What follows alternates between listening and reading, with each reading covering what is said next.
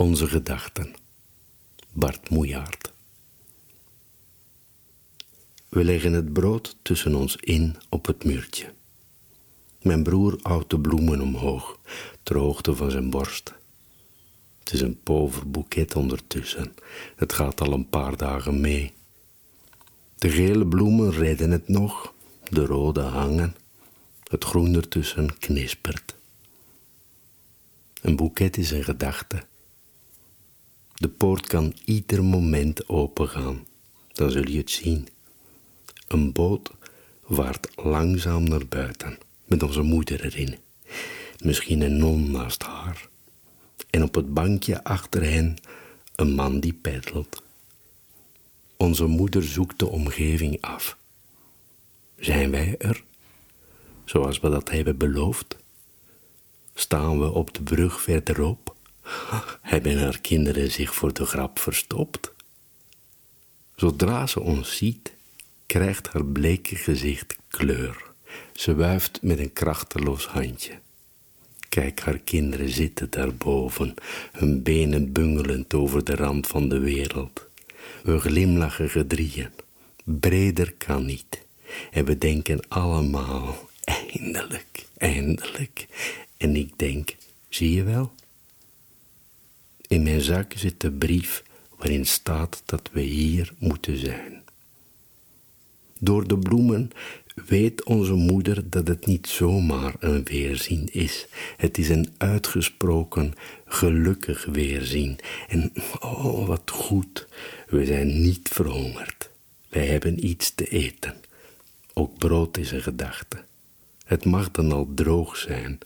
Wij hebben het zelf gebakken. Zittend gaat de tijd voorbij. We noemen het geen wachten, omdat de seconden dan met hun voeten slepen, en dat willen we niet. We houden het op verwachten, want daar zit blijheid in. En we willen iets voelen sidderen van binnen. Die paar letters maken het verschil en houden ons overeind. Evengoed vechten onze schouders tegen de zwaartekracht. De macht van een woord moet je niet overschatten. Mijn broer en ik willen allebei dat de brief in mijn zak niet ligt. Als de poort dicht blijft, waar blijft onze moeder dan? Al sinds we met verwachten zijn begonnen, drie dagen geleden, hebben we geen ander licht gezien dan dit alsof we overdag nooit verder dan schemeren komen. Niets stroomt, ook de rivier niet. Als niet af en toe een rat of koet een vegende beweging door het wateroppervlak zou maken, zou je denken dat de rivier van glas is. Mijn broer duwt zijn kaken stijf op elkaar. Hij mokt. Deze keer houdt hij het erg lang vol. Hij klampt zich vast aan de bloemen en kijkt zwijgend alle kanten op, maar mij gunt hij geen blik. Ochtends als we ontwaken, of eigenlijk iedere keer als we ergens een begin mee maken, bijvoorbeeld als we op weg gaan naar onze plek op het muurtje, bereid ik me voor op een uitval van hem. Ik ben op mijn hoede want ieder moment kan hij zijn hand als een klauw om mijn arm leggen, me naar zich toe halen en de brief opeisen. Hij zal mijn gezicht vlak bij het zijne trekken. Hij zal mijn kraag met zijn vuist als een strop om mijn hals draaien en niet loslaten. Laat me de brief zien, geef me de brief. Als hij de brief wil, zal hij me moeten wurgen. Anders zal hij het gewoon van me moeten aannemen. In de brief staat dat we bij de poort op onze moeder moeten wachten. Ik ga het niet nog eens uitleggen. Ik weet zeker dat het deze poort is. Er is de poort aan de andere kant, waar onze moeder als een hoopje ellende is binnengegaan, geheel in de war. Er was geen kleiner vrouwtje dan zij. En er is deze poort die van de beterschap, waar je genezen door naar buiten vaart. Alleen al als ik eraan denk, word ik sterker. Hersens en spieren. Ik hou moed. Toch zou ik willen dat de lucht in mijn longen niet stil stond. Er is geen plaats voor verse adem. Mijn broer en ik spitsen onze oren. We doen het tegelijkertijd. Dat voelt ongemakkelijk. Eerst denken we dat het lawaai van de straat komt. We kijken in de richting van de brug. Daarna begrijpen we dat het ons niet bereikt van tussen de huizen, maar wel van over het water. Het geluid wordt gedempt door de bomen op de oever. Je hoort dat een boot onze kant opkomt. Het tuffende lawaai wordt harder. Mijn broer laat de bloemen zakken in zijn schoot en tilt ze meteen weer op, omdat hij verwacht onze moeder te zien. Ik denk ook aan haar. Ik denk de hele tijd aan haar.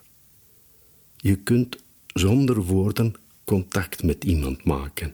Je volgt iemands blik, je kijkt naar hetzelfde, je bent een paar seconden verbonden. Je ziet een kraai op het dak, een vlek op een wolk, een, zwarte punter die diep in het water ligt en naar je toe vaart. Onder onze neus maakt de boot een scherpe bocht. Over de rivier glijdt een waaier van zachte golven. We denken te zien dat er water over de rand gutst, maar dat gebeurt alleen in onze verbeelding. De man achterin gaat op zo'n vanzelfsprekende manier staan dat je denkt: hij is op het water geboren. Hij zet de motor af. De punter ligt evenwijdig met de poort, geheel gedraaid, klaar om terug te keren naar waar hij vandaan komt. De rivier rimpelt na. Met een zware vuist klopt de man op de poort. Hij slaakt een kreet. Het bonken voelen we tot in onze buik. In ons hoofd echoot zijn naam. 1, 2, 3 en de poort zwaait open met knarsende scharnieren. Uit het donker komen rommelende, haast rochelende geluiden. Je denkt aan een keelgat. Terwijl de punter naar binnen glijdt en uit het gezicht verdwijnt, kijkt mijn broer me voor het eerst in dagen aan. Hij trekt zijn wenkbrauwen op. Ik kijk terug naar hem. Of hij het nu kan hebben of niet, ik knik ook eens. Ik kijk terug naar hem. Of hij het nu kan hebben of niet, ik knik ook eens. In mijn blik leest hij dat hij niet op zijn knieën hoeft te gaan zitten om te zeggen dat het hem spijt. Als je jong bent, stel je je aan. Al goed, al goed. Hij mag gewoon het hoofd buigen. En dan zal ik begrijpen wat hij bedoelt. Je had gelijk. Je hebt altijd gelijk. De komst van onze moeder is anders dan ik me had voorgesteld maar de werkelijkheid is maar een kleine variant. Door deze poort komt ze naar buiten. We kunnen het wuiven al oefenen. We horen stemmen aan de overkant. Ze galmen. Ze houden het midden tussen een gegrom van boze mannen en gegrinnik om een grap. Waarschijnlijk doet onze moeder er wijselijk het zwijgen toe. Ze mengt zich niet in het lawaai dat deze mannen maken. Ze wil naar huis. Zodra de boot weer daglicht vangt, merken mijn broer en ik de zwarte glanzende kist op. Mijn broer houdt een paar tellen zijn adem in. Hij wil wijzen, maar ik schud met mijn hoofd en laat zijn mening afketsen tegen mijn hand. Ik zeg dat de kist er daarnet ook al stond. Dat je dat niet gezien hebt, broer. Naast zo'n grote glimmende kist kun je niet zomaar kijken. Eerst is hij te verbouwereerd om iets te antwoorden, maar daarna doet hij waar ik al een paar dagen voor vreesde. Hij haalt me met een ruk aan mijn kleren naar zich toe. Hij wringt mijn kraag dicht, mijn keel. Hij zegt, dat dacht je, dat dacht je. Tenminste, ik denk dat hij dat zegt. Heel zeker weet ik het niet. Het geluid van de motor is harder geworden. Ik krijg weinig lucht. Pas als de boot onder het groen van de overhangende bomen is verdwenen, laat hij me los. Eindelijk kan ik een keer knikken. Ik zeg dat hij gelijk heeft. Hij haalt diep adem. Ik zou kunnen zeggen dat hij knort. Het is jammer dat ik mijn broer daarna onberekenbaar moet noemen. Met een simpel gebaar, alsof hij het niet zelf doet, maar iemand anders, laat hij ons boeket in de rivier vallen. Vervolgens duwt hij ons brood met een vegende beweging van zijn hand van het muurtje. Ik denk nog, daar gaan onze mooie gedachten. En oh, kijk, er komt een koet op af.